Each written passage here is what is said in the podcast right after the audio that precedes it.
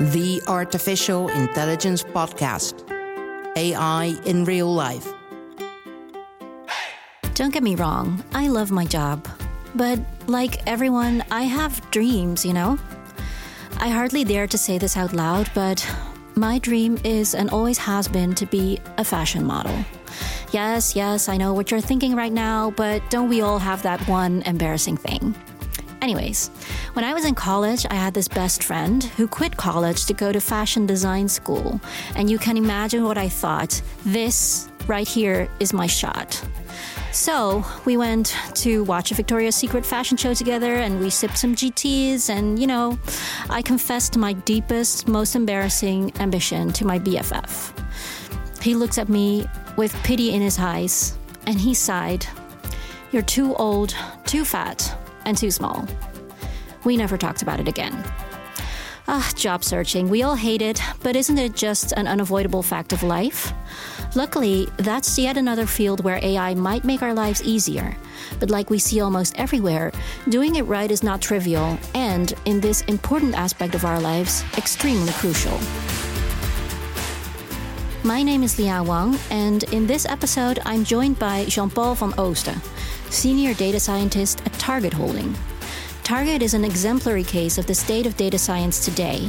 It's an ambitious collaboration between academia and business, which originated at the University of Groningen. There, astrophysicists, AI researchers, and geneticists were working with huge datasets and one day thought, we can do so much more with this. And thus, they did. Target now helps businesses solve a variety of complex problems using machine learning. Because, like I was told at the World Summit AI, sponsored by Microsoft, artificial intelligence is the glue of tomorrow that will connect and facilitate so many sciences and businesses alike. Jean Paul is here to tell me about one of his latest projects a sort of super search engine for job postings it's more of a matching engine than, than actually a search engine mm-hmm. Because search engine is, usually where you type in keywords and we try to minimize people coming up with their own keywords to find either job applications or resumes. So that's we, we usually call it matching instead of searching. Right. Um, and this matching program, what does it change? For instance, if, if I were to be looking for a job as a data scientist. How would that process change with your product versus how it is now? Uh, we work a lot with temp agencies, um, uh, and they have a lot, a lot of people they want to place somewhere and a lot of vacancies they want to fill in. Mm-hmm. So they usually have a big collection. And what they do now is is they try to categorize everything. So they say if you if you're looking for a data science job, then they say, okay, maybe they don't have actually a, a class for data scientists. Mm-hmm. So then maybe they put it in the bucket of researcher, or maybe they put it in the bucket of programmer, or whatever your closest. Uh, right. Uh, Even though a researcher is. and a programmer is a very different thing.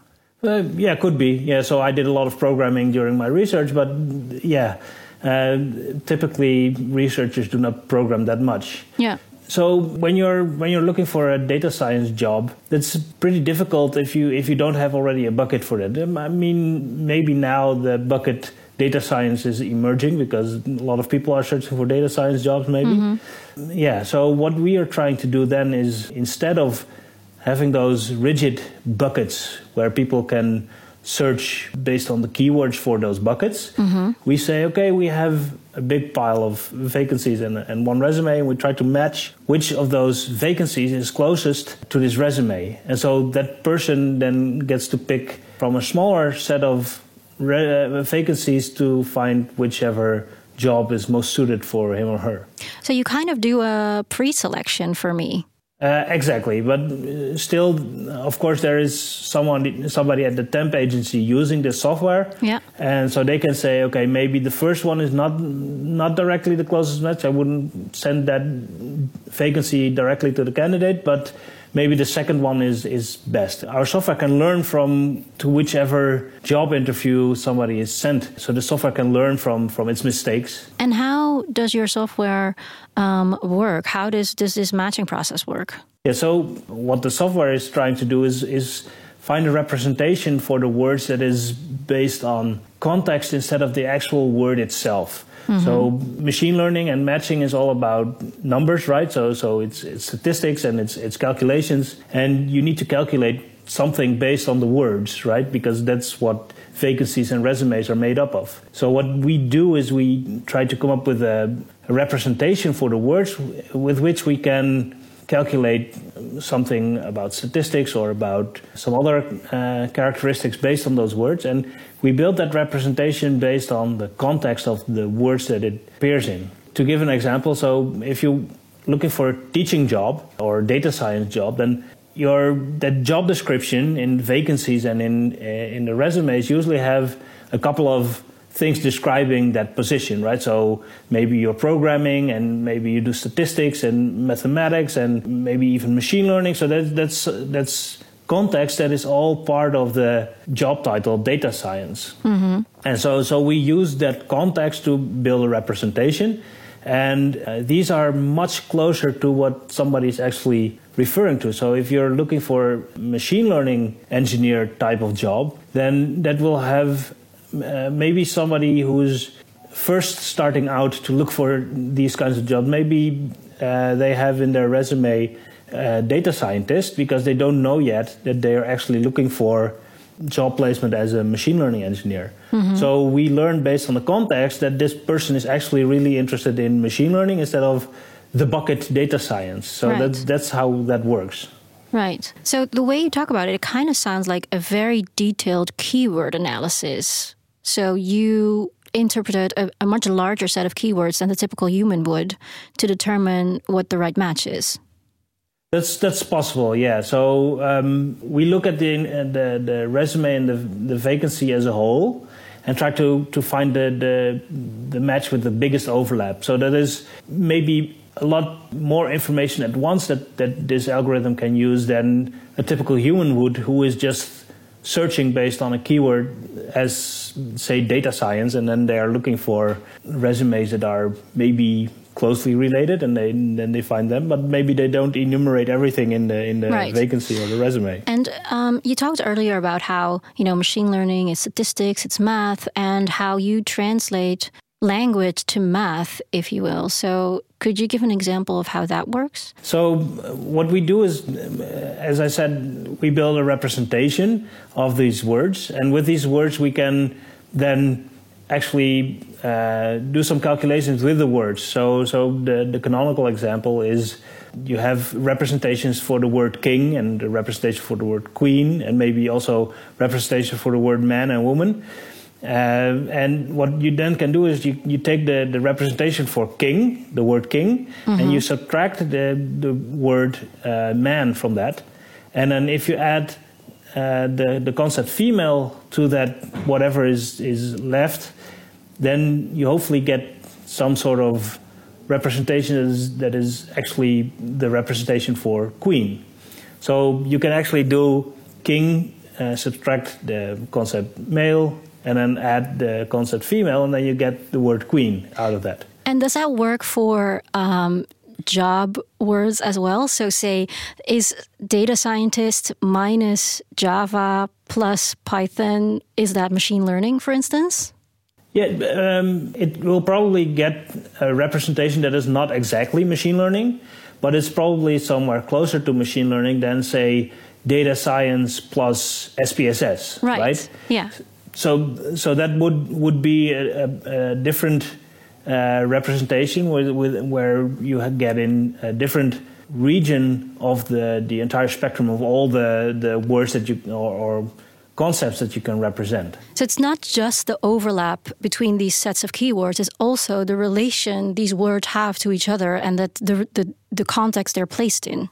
Exactly. We're looking for a match between those representations instead of the match between the words because the, the words, they, they typically tend to be a little bit different. So, for example, in, in, in Dutch, you have leraar and lerares, which is the, the male and the female teachers, right? Mm-hmm. So they both mean the same job, but the one is as, as a male and, and, and as a female, eh, but they, they have the same representation or, or very close representation in our representation space. Yeah, two so, words with the same meaning. Exactly, and so so what you then see is that. Uh, well, it's not exactly the same meaning, but because one has the, the, the concept male added to it, and the other has the concept female added to it, but they're still very closely related in the in the in the representation space because they have usually the same context in in a resume or in a vacancy sense. Yeah. So teacher is is in both cases is used as uh, I, I, teach a lot and I gave these subjects yeah. and I work with students and stuff like that. So that's all part of the context of those concepts. I can imagine this works for hard skills, like um, a machine learning engineer should be able to program these kind of languages and should have experience building these kind of products. But there are also soft skills that are more and more important for a lot of jobs, like leadership or teamwork. And there are so many more words to describe these skills. How, how do you deal with that?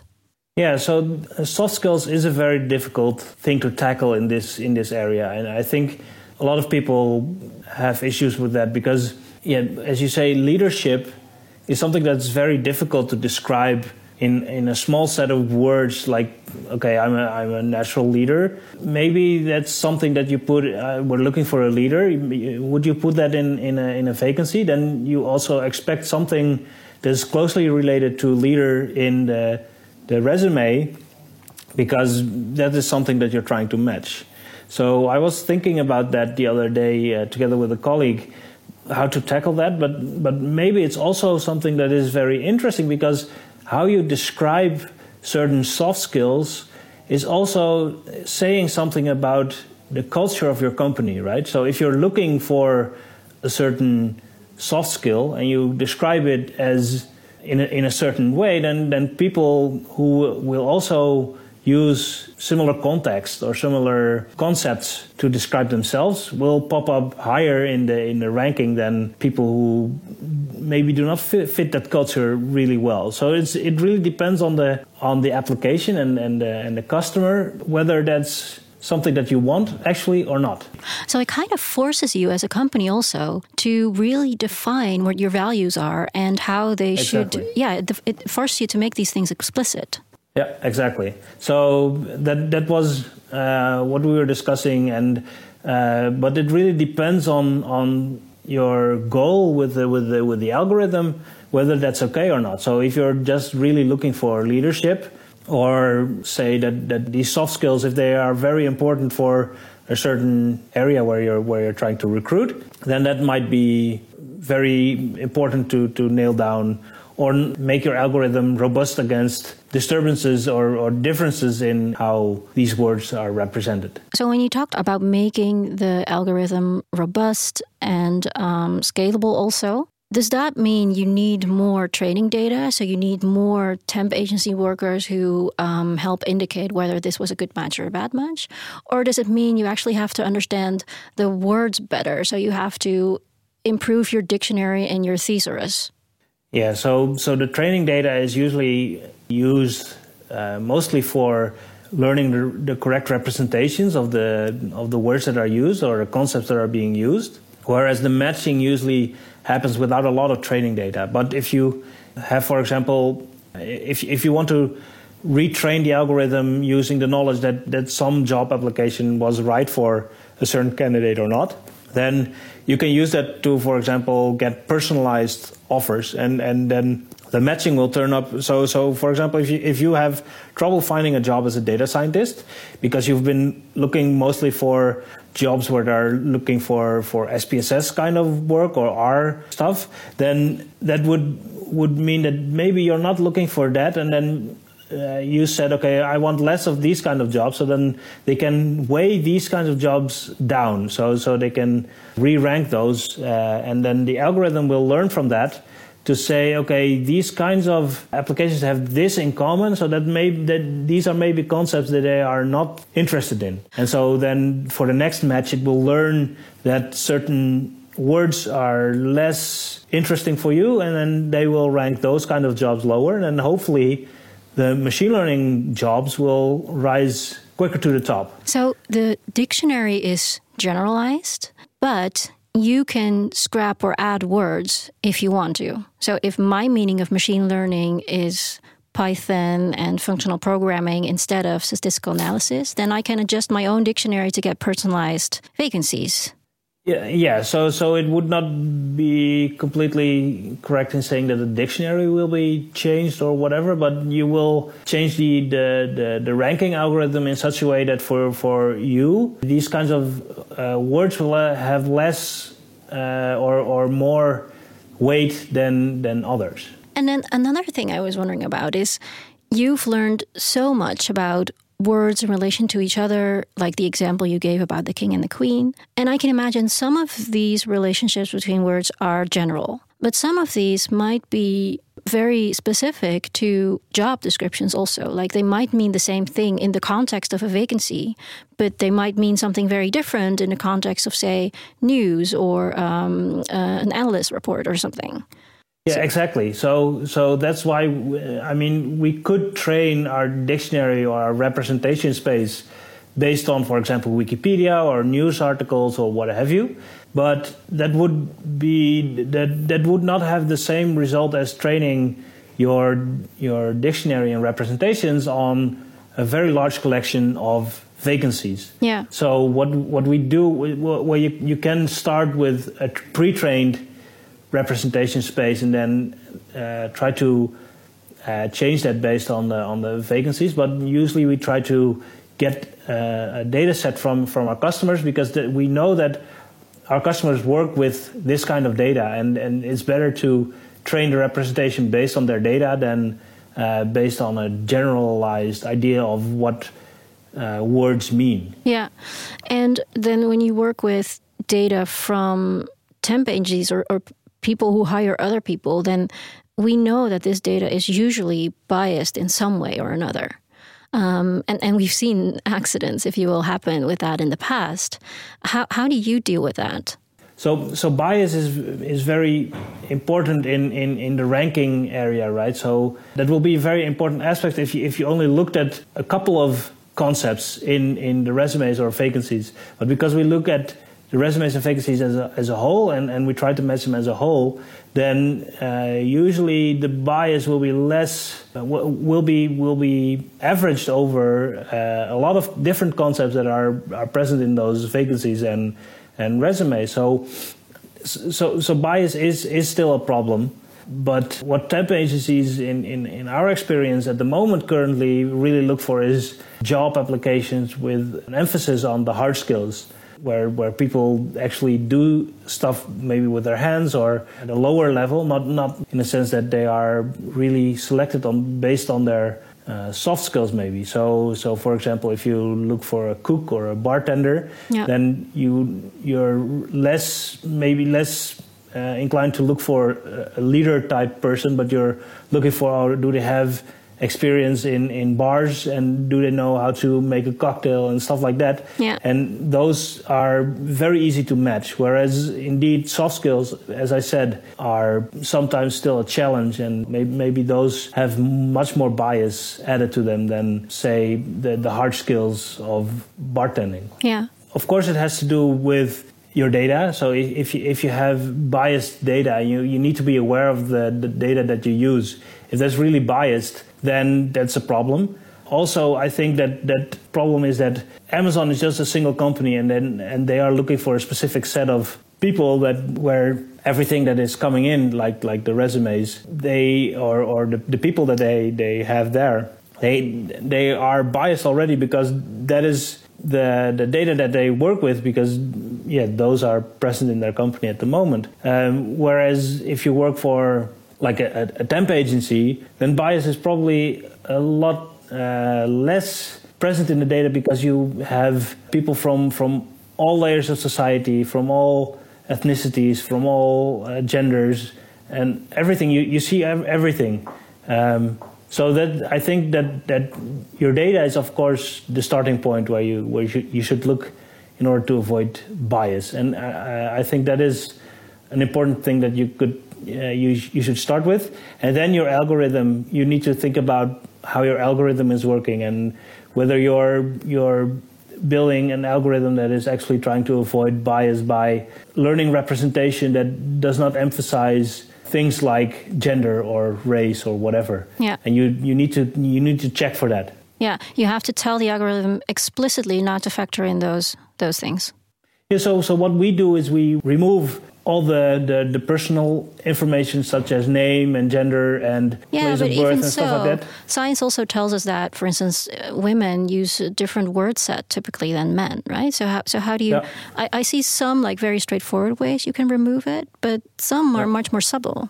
Exactly, and and and uh, those subtle things are are much harder to deal with. But if you have a broad enough data set where both uh, ways of describing things are are represented, then you can probably uh, learn a representation where those concepts are close together. So, for example, what what I I said earlier about two ways of describing a teacher in Dutch, like leraar and lerares, where you have the, the, the gender embedded in, in, in the word, then uh, yeah, though you have to learn a representation where those concepts are close together, and you, you should check for that. But it's it's it's in the more subtle cases, it's very hard to to, to actually fully remove.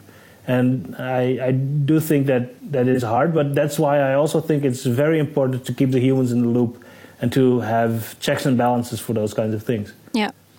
And um, what does that say about the role of humans in this business, do you think? Like maybe five years out, once you've perfected everything, what will that look like?